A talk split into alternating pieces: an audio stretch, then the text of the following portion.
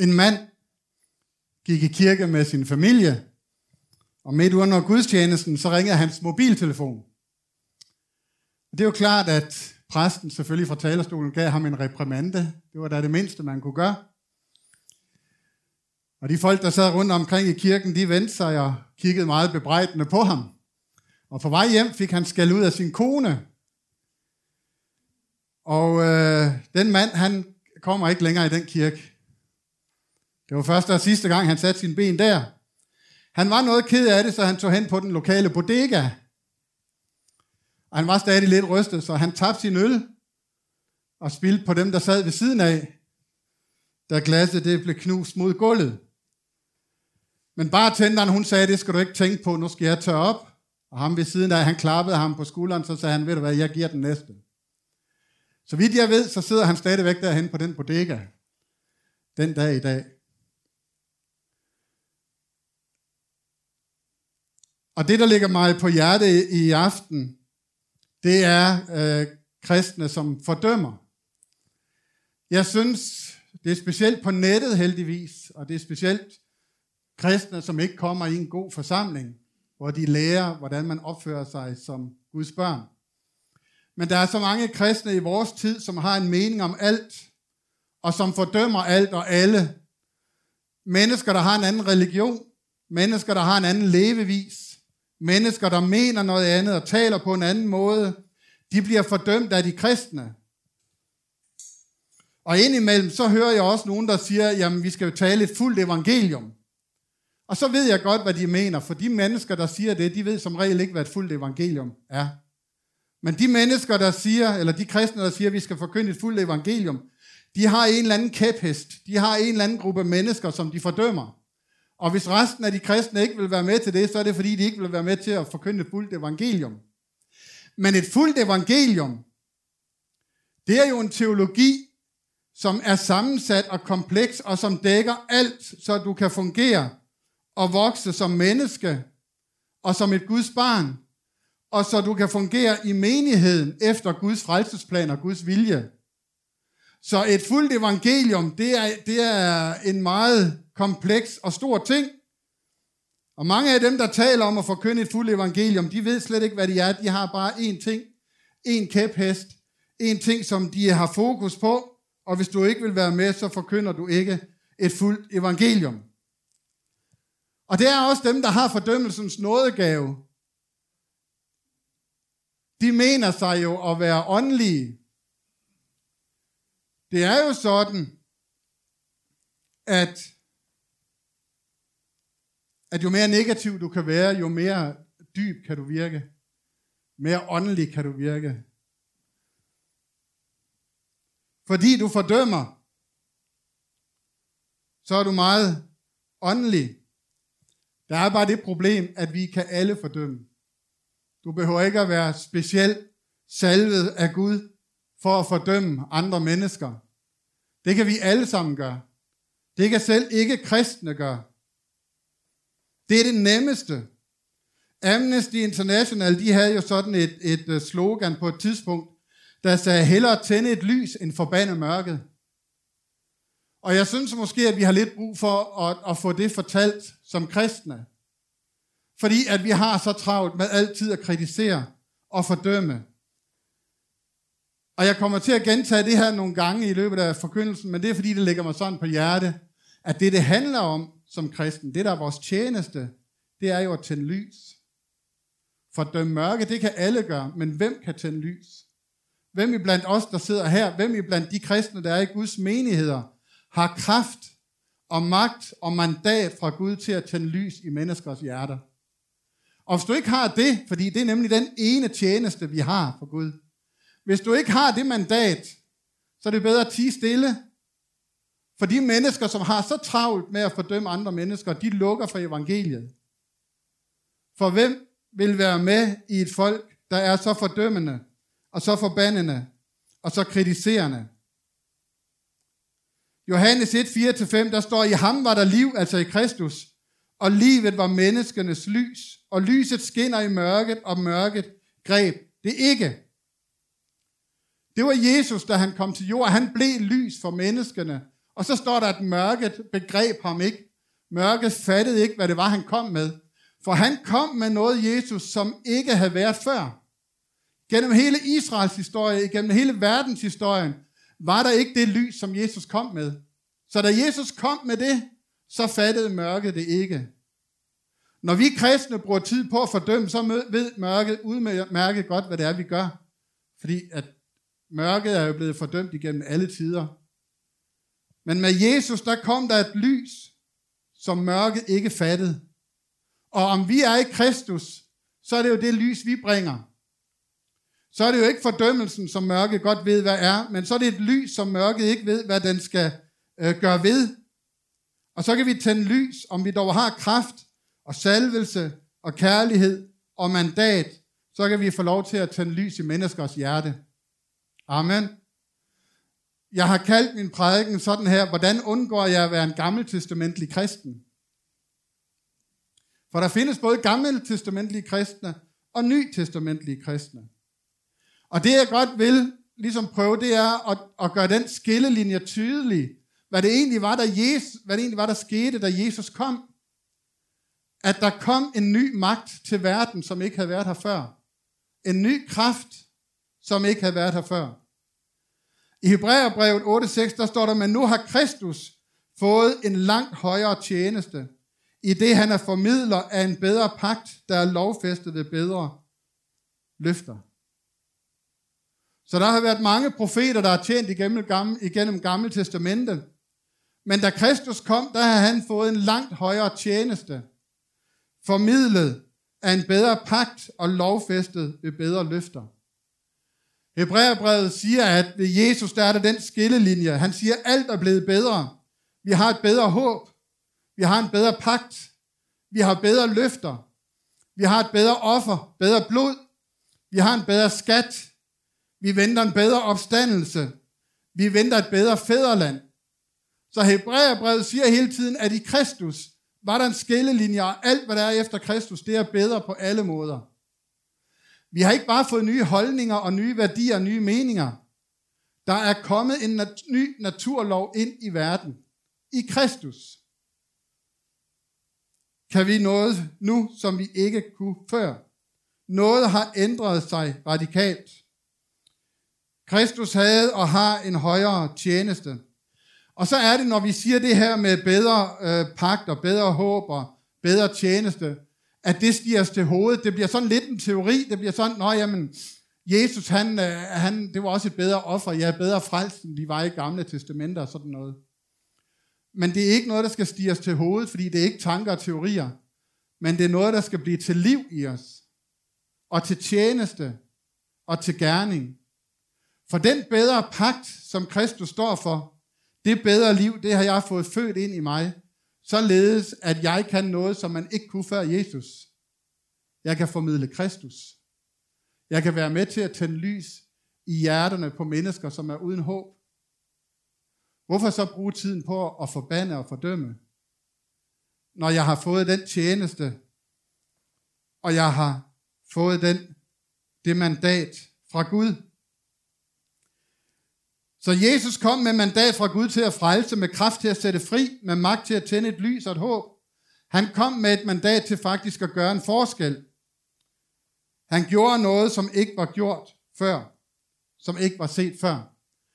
Og Jesus han siger om sig selv sådan her, det kender I, Herrens ånd over mig, fordi han har salvet mig, han har sendt mig for at bringe godt budskab til fattige, for at udråbe frigivelse for fanger og syn til blinde, for at sætte undertrykte i frihed, for at råbe, udråbe et nådeord for Herren. Så det er hans fokus, og det er hans tjeneste. Prøv at tænke, at Jesus han siger, jeg er kommet for én ting, for at bringe godt budskab til fattige, for frigivelse for fanger, for syn til blinde, og for at sætte undertrykte i frihed. Det var hans fokus. Det var hele hans tjeneste. Og så tænker jeg samtidig, hvorfor tænker vi så, at vi har en anden tjeneste?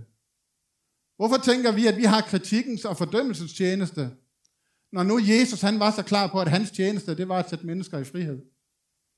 Det var at bringe lys til en mørk verden. Så vi kan spørge, kom menneskesønnen for at fordømme? Nej, der står, menneskesønnen er kommet for at opsøge og frelse det fortabte. Amen. Der er ikke så meget at diskutere. Det var det, han kom for. Han kom ikke for noget andet. Han kom for at opsøge og frelse det fortabte. Og han kom ikke bare for at komme med et nyt budskab. Han kom, fordi ved hans død på korset og ved hans opstandelse, der skete der noget i verden, så at mennesker kunne blive frelst. Og så må vi spørge, er din og min tjeneste at fordømme? Hvis det er det, så er det jo at fordømme dem, som Jesus kom for at frelse. Og så tror jeg, at vi tager fejl. Jeg tror, at vores tjeneste er den samme som Kristus. Jesus han siger, I er verdens lys. En by, der ligger på et bjerg, kan ikke skjules. Man tænder heller ikke et lys og sætter det under en skæppe, men i en stage, og det lyser for alle i huset. Således skal jeres lys skinne for mennesker, så de ser jeres gode gerninger og priser jeres fader, som er i himlene. Amen. Så vi er jo alle kaldet nu til at være verdens lys. Ikke det, at vi er lys i os selv, men det, at vi bringer Kristus. Han er verdens lys. Det er det, vi er kaldet til.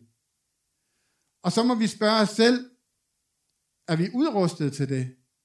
Når vi møder mennesker, er det så det, de møder? Er det Kristus? Eller er det kritikken og fordømmelsen og forhåndelsen og alle mine meninger? Prøv at slå op i 2. Korinther, det tredje kapitel.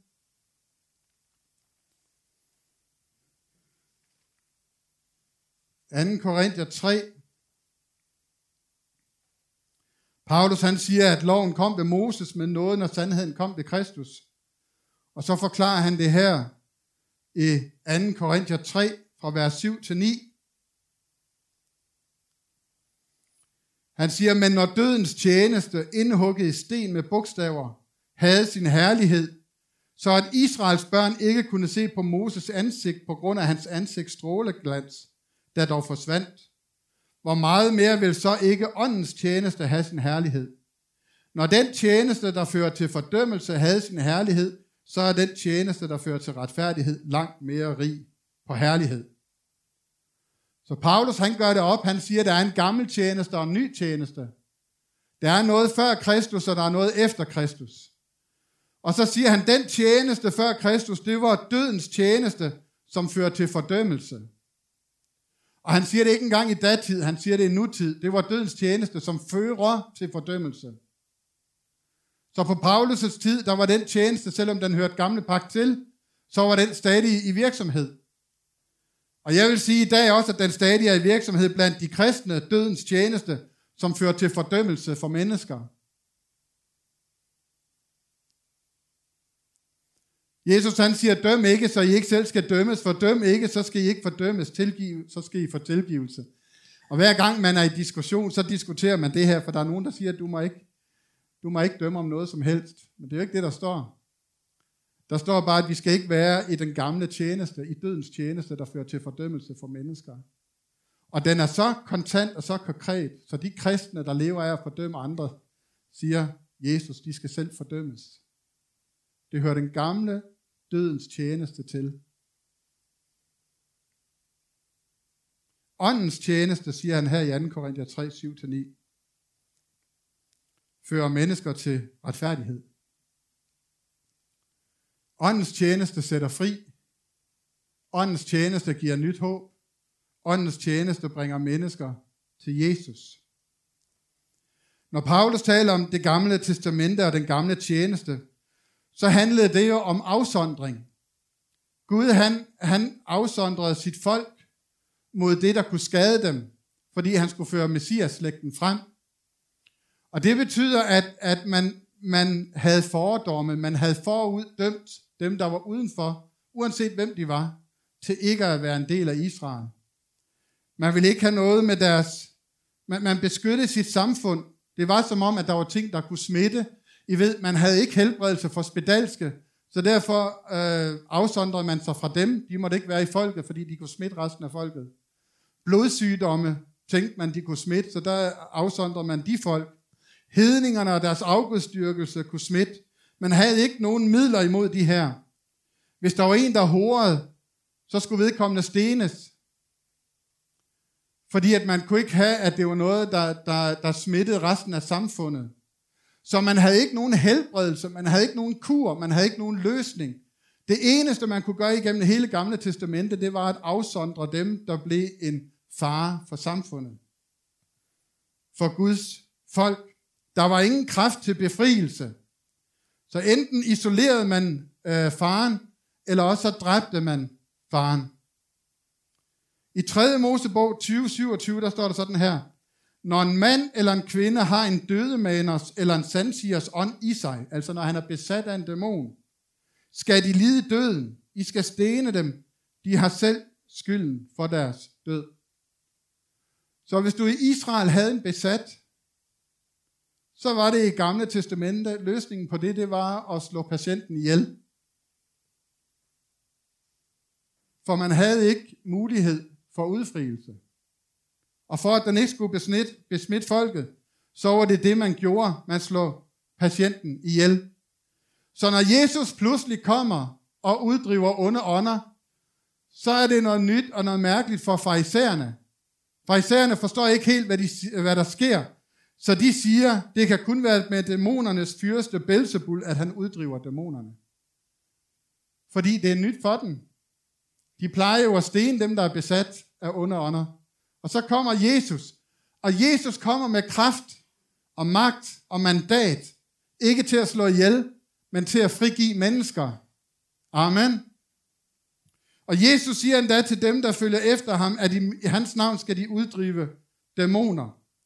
Så da Paulus kommer til Filippi, så er der lige præcis en pige, der er besat af en dæmon. Og i øh, 3. Mosebog 20, der stod der, hvis der er en, der er besat af en dødemaners eller en sandsigers ånd. Og den pige, som Paulus møder i Filippi, var jo besat af en sandsigers ånd, fordi hun talte sandt. Hun sagde om Paulus og hans følgere, at de var sendt af Gud. Og til sidst så blev Paulus så vred, at han ikke sagde, lad os stene hende. Men han blev vred på dæmonen. Og han blev vred på de mænd, som udnyttede hende. Og så gjorde han noget, som man ikke kunne før. Som man slet ikke kendte til i hele Israel. Øh, I hele Israels tid. Han udfriede hende. Amen. Og det er det, der er hele forskellen på den gamle tjeneste og den nye tjeneste. Vi har ikke fået nye værdier og nye holdninger og nye meninger. Men der er sket noget i verden, der gør, at mennesker nu på en helt anden måde kan blive udfriet og få nyt liv og få nyt håb. Og det er i den tjeneste, at vi er sat i. Den, der kan udfri en pige, der er dæmonbesat, og fri hende fra de mænd, som øh, udnytter hende. Så mens det gamle testamente, man i gamle testamente afsondrede sig fra alt det, der kunne øh, hvad hedder det, være til skade for folket, så kommer Jesus med noget nyt. Han kommer med forligelse. Der står et sted i Bibelen, mens vi endnu var fjender, forligte Gud os ved hans søns død. Så Jesus kom for at møde mennesker, ikke for at afsondre sig fra dem. Og hvis I prøver at blive her i 2. Korinther kapitel 5, så kan I prøve at se, hvad Paulus siger i vers 18-20.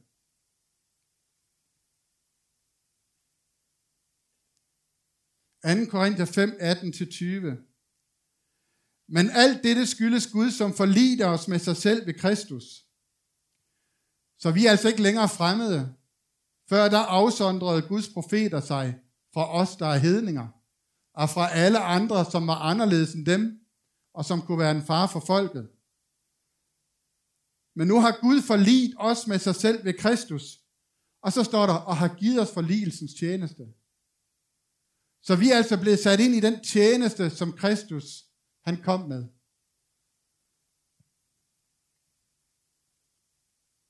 For det var Gud, der i Kristus forlidte verden med sig selv, og ikke tilregnede dem deres overtrædelser. Og jeg synes, at det er et meget vigtigt skrift, at han tilregnede dem ikke deres overtrædelser. Det vil sige, at de mennesker, vi snakker om her, de er skyldige. Han forlidede sig ikke med gode mennesker, med uskyldige mennesker, men han forlidede sig med mennesker, der levede i deres overtrædelser. og han betroede os ordet om forligelsen, så er vi altså udsendinge i Kristi sted. I det Gud så at sige formaner igennem os, vi beder på Kristi vegne, lad jer forlige med Gud. Så Paulus siger direkte, at Kristus er kommet for at forlige os med Gud, og så siger han, vi er udsendinge i Kristi sted. Det betyder, at det vi så Kristus gjorde, det er det, vi fortsætter med.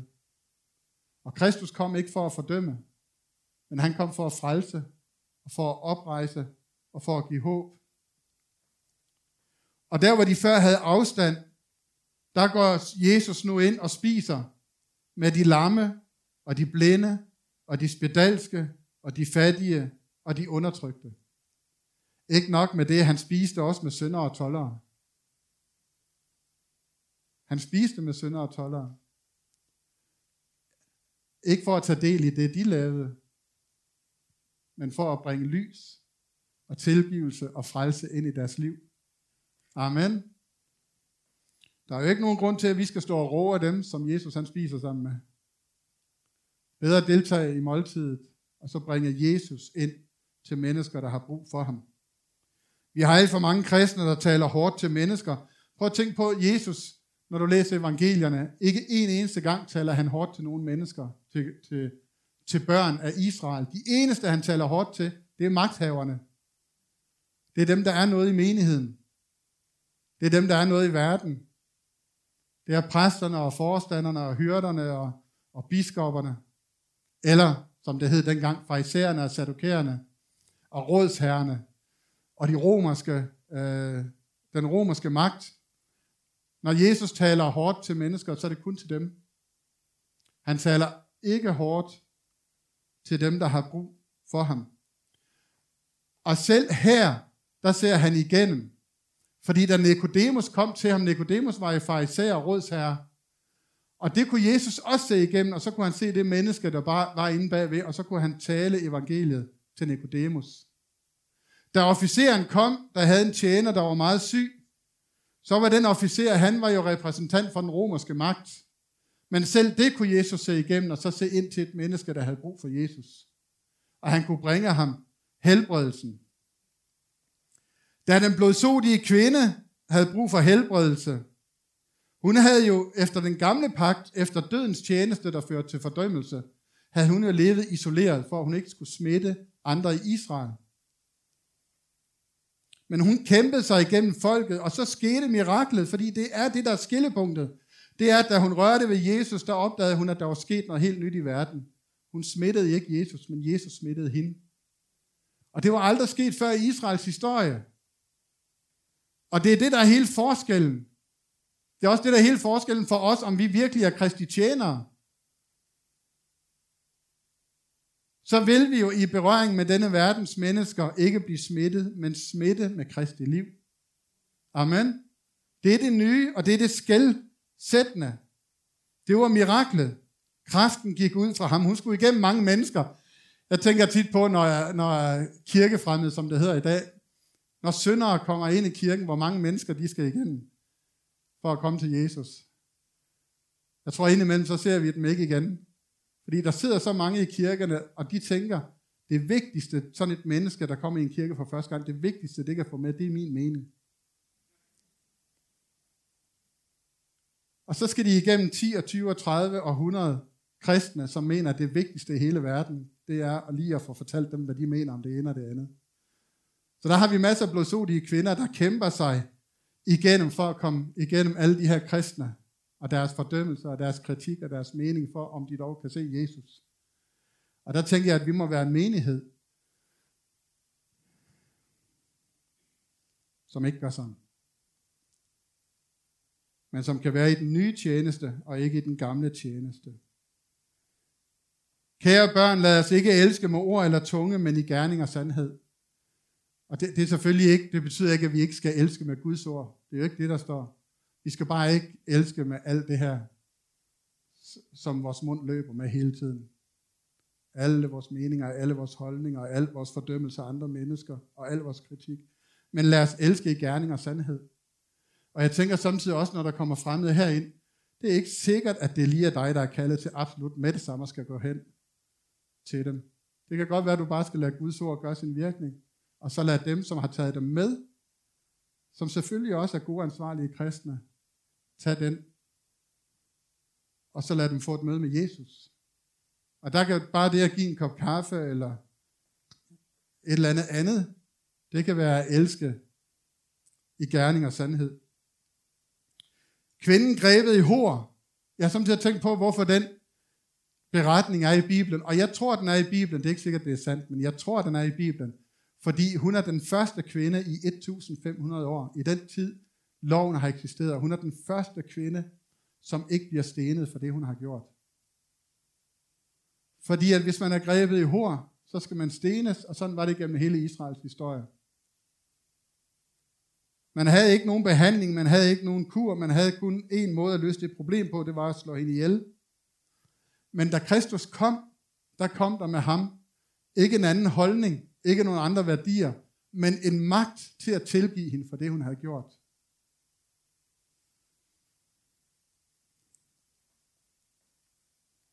Og han bøjer sig ned til hende, og han siger, var der ingen, der fordømte dig? Så siger hun, nej, det var der ikke. Så siger han, heller ikke jeg fordømmer dig, går og synd nu ikke mere.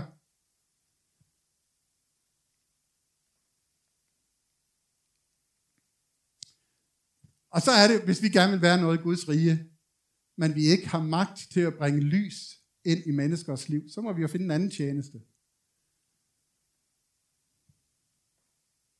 Hvis nu jeg ikke kan bringe liv til mennesker, men jeg gerne vil være noget i Guds rige, så, så kan jeg måske få et andet fokus. Så kan jeg sige, Nå, men Jesus sagde også til hende, hun skulle gå og synde ikke mere. Så det er sådan ligesom det, jeg koncentrerer mig om. Det er, at hun skal ikke synde mere. Det er, sådan, det er det vigtige i den beretning. De skal ikke synde mere. Jeg ved ikke, om du kan forestille dig, at du er Jesu disciple, og Jesus han har bøjet sig ned til hende og sagt, heller ikke dig, jeg fordømmer dig. Rejs dig, gå og synd ikke mere. Og så kommer hun gående forbi dig, og så siger du, ved du hvad, jeg holder, lige, jeg holder øje med dig. Du skal ikke synde mere. Men det kommer jo ikke dig ved. Det er jo ikke din sag. Virkelig, det er ikke din sag. Det kommer ikke dig ved. Din tjeneste, det er at bøje dig ned til hende, hvis du er i tjeneste for Herren. Hvis du har magt og kraft med Gud, så er din eneste tjeneste i den situation, det er at bøje dig ned og sige, Gud han fordømmer dig heller ikke. Rejs dig op og gå og synd ikke mere. Det er den tjeneste, du og jeg har. Og jeg synes bare, der er alt for mange kristne, som ikke har den kraft og ikke har den magt i Gud, og så vælger de en anden tjeneste, nemlig fordømmelsens tjeneste. Men vi er i åndens tjeneste, der fører mennesker til retfærdighed. Det her handler jo ikke kun om stening, for du og jeg kan jo sige, nej, jamen, altså, vi stener jo ikke mere. Det handler jo om fordømmelse. Jesus han bøjede sig ikke ned og sagde, var der ikke nogen, der vil stene dig? Jeg vil heller ikke stene dig, går og synd ej mere. Han bøjede sig ned og sagde, er der ikke nogen, der fordømmer dig? Jeg fordømmer dig heller ikke. Hun var jo skyldig. Det er jo ikke sådan, at det her var en fin og ordentlig kvinde, og så øh, hjalp han hende. Det her var en kvinde, der var skyld i lovbrud i Israel. Men han tilregnede hende ikke hendes overtrædelse. Og den dag bragte han frelse til hende. Så hver gang du og jeg fordømmer mennesker, og jeg taler om skyldige mennesker, de værste mennesker, hver gang du og jeg fordømmer mennesker, så gentager vi den her seance. Men vi er ikke kaldet til at fordømme skyldige mennesker. Vi er kaldet til at lede dem til Kristus. Til at rejse dem og til at give dem nyt håb. Fordi vores liv som kristne handler om dem. Er det, er det klart nok? Eller får jeg det mudret? Det er klart nok, er det ikke?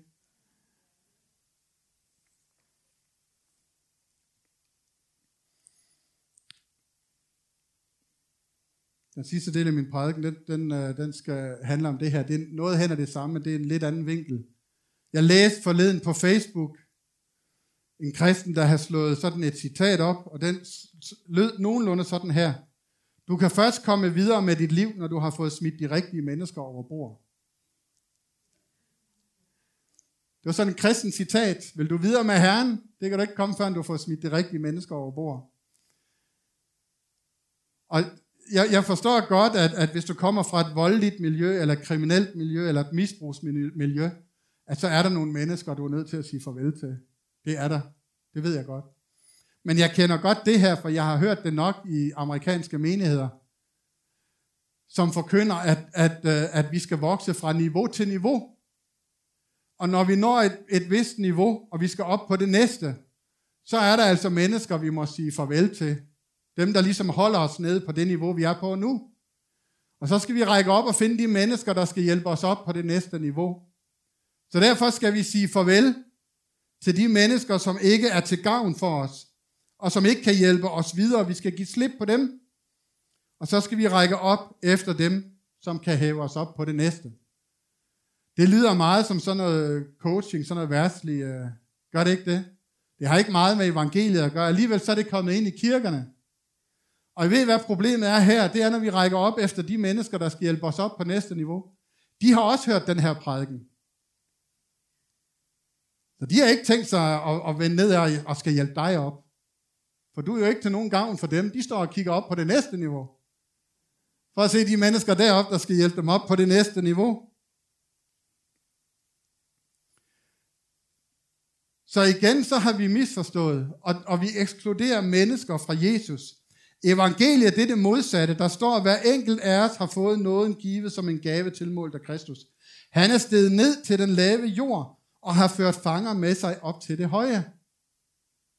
Kristi tjeneste var at komme ned til det lave, befri fanger og føre dem med til det høje. Amen. Og her der vil jeg godt vise forskellen på det gamle testamente og det nye testamente. På den gamle tjeneste, dødens tjeneste, som fører til fordømmelse, og åndens tjeneste, som fører til retfærdighed. For når han skrev på Facebook, du kan først komme videre med dit liv, når du har fået smidt de rigtige mennesker over bord, så henviser han jo til en gammeltestamentlig beretning, nemlig Jonas. Det skib, han var med, det kom ud i storm, og de var ved at synke, og de blev enige om, at der var kun én ting at gøre, det var at smide Jonas over bord, hvis de skulle overleve. Og så bruger man sådan en beretning til et almindeligt kristen liv, og til at sige, jamen altså, hvis du skal overleve i det kristne liv, så er der nogle mennesker, du skal have hævet over bord. Og jeg vil jo sige, måske de mennesker, som du skulle have hjulpet, som du skulle have bragt evangeliet til. Men det, der er radikalt anderledes, det er, i det nye testamente, der har vi de samme beretninger. Det er bare noget andet, der sker. Da disciplene er i stormvær ude på åbent hav, så kommer Jesus gående til dem på vandet. Og ved I hvad, hvis han havde været i den gamle tjeneste, i dødens tjeneste, der fører til fordømmelse, så var der rigeligt med folk, han kunne smide af den båd, da han kom derud. Han kunne komme derud, og så kunne han sige, ved I hvad, hvis vi skal have det her til at fungere, så skal vi have smidt Peter over bord. Han fornægter mig tre gange inden så længe. Det kan vi ikke bruge til noget. Og når han har smidt Peter over bord, så kunne han sige, tordensønderne skal vi have smidt over bord. De tror, det hele det handler om ild fra himlen og, og straf og alt muligt. De har slet ikke forstået noget. Det er tre mand over bord. Så kan vi smide Thomas over bord. Tvivleren, som ikke har tro. Og når vi har smidt ham over bord, så kan vi smide den værste over bord. Judas, som forræder Jesus, som forråder Jesus. Så har vi syv tilbage, det er et helligt tal. Men Jesus, til forskel fra den gamle tjeneste, i hans nye tjeneste, kom for at frelse de mennesker, som de fordømmende kristne i den gamle tjeneste vil smide over bord. Jesus han kom for at frelse Peter, Thomas, Jakob og Johannes og Judas. Og det er hele forskellen på gammel tjeneste og den nye tjeneste. Han kom for at frelse dem. Og så vil jeg bare sige, så kan det ikke være meningen, at vi skal gå og smide dem over bord. Det kan ikke være meningen, at vi skal fordømme dem, som Jesus kom for at frelse. For menneskesønnen er kommet for at opsøge og frelse det fortabte. Og du er en udsending i Kristi sted. Paulus, det kan så være, at du siger, at jeg kan ikke gå på vandet, så det, det gælder ikke mig det der. Paulus han kunne heller ikke gå på vandet, men da han blev ført til Rom på et skib, så kom det skib ud i stormvejr. Det kom på vej mod Rom, og der ved Kreta, der blev stormværet så, så voldsomt, så de troede, de skulle gå under. Og de kastede skibsudrustningen ud, og senere så kastede de endda alt deres mad ud. Men ved I, hvad de ikke gjorde? De kastede ikke nogen mennesker ud. De forsøgte. Sømændene, de prøvede at stikke af fra skibet. Men Paulus han har fået en åbenbaring om, at hvis man blev på skibet, så blev de alle sammen reddet. Så han fik forhindret, at de her sømænd, at de stak fra skibet. Og senere, der ville soldaterne slå alle fangerne ihjel. Midt i stormen. Det blev også forhindret. Og en af dem, de ville slå ihjel, det var Paulus, Guds profet. Så det er faktisk en gentagelse af det gamle testamentlige beretning om Jonas. Her, der vil man slå Paulus ihjel, ligesom de vil slå Jonas ihjel i det gamle testamente. Men Paulus, han siger, jeg er blevet besøgt af en engel. Vær ved godt mod, frygt ikke, ingen liv skal gå tabt. Stå op og spis. Og alle blev reddet. Det er forskellen på det gamle testamente og det nye testamente. Det er forskellen på gammeltestamentlige kristne og nytestamentlige kristne. Tænk om, når vi kommer hjem fra Kristi domstol, at vi kan sige, at alle dem, vi har haft omkring os, at de er blevet reddet. At vi ikke har mistet en eneste. Fordi vi ikke har fordømt, men har bragt Kristi lys. Så til sidst, så vil jeg bare citere de her skriftsteder, bare sådan, så vi ikke er i tvivl. Jesus havde en tjeneste, et fokus. Det lyder sådan her. Herrens ånd er over mig, fordi han har salvet mig. Han har sendt mig for at bringe godt budskab til fattige, for at udråbe frigivelse for fanger og syn for blinde, for at sætte undertrykte i frihed, for at udråbe et nådeord fra Herren. Det var Kristi tjeneste. Og det næste skriftet, så er vi altså udsendinger i Kristi sted. Så det er også vores tjeneste. Amen. Det er vores tjeneste. Og lad os så slutte af med 1. Korinther, kapitel 2 og vers 1-5. 1. Korinther 2, 1-5.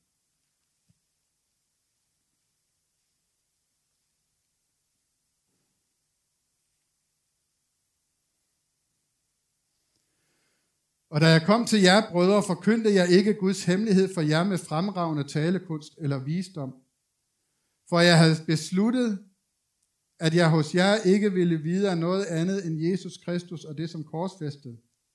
Jeg optrådte hos jer i svaghed og med megen frygt og bæven, og min tale og min prædiken blev ikke fremført med overtalende visdomsord, men med ånds og krafts bevis, for at jeres tro ikke skulle afhænge af menneskers visdom, men af Guds kraft. Amen. Det, der er spørgsmålet for hver enkelt af os, det er, har vi den Guds kraft? Den Guds kraft, der kan sætte mennesker i frihed, der kan bringe håb i mørket, der kan bringe Kristi frelse til mennesker og tænde et lys. Når Paulus siger, jeg vil ikke vide af noget andet end Jesus Kristus. Når Paulus siger, jeg vil ikke vide af noget andet end Jesus Kristus, så tror jeg, det er det, han tænker på. Det er det, han tænker på. Så spørgsmålet for dig og mig, det er, er vi gammeltestamentlige kristne eller nytestamentlige kristne? Står vi i dødens tjeneste, der fører til fordømmelse? Eller står vi i nådens tjeneste, der fører mennesker til retfærdighed? Amen.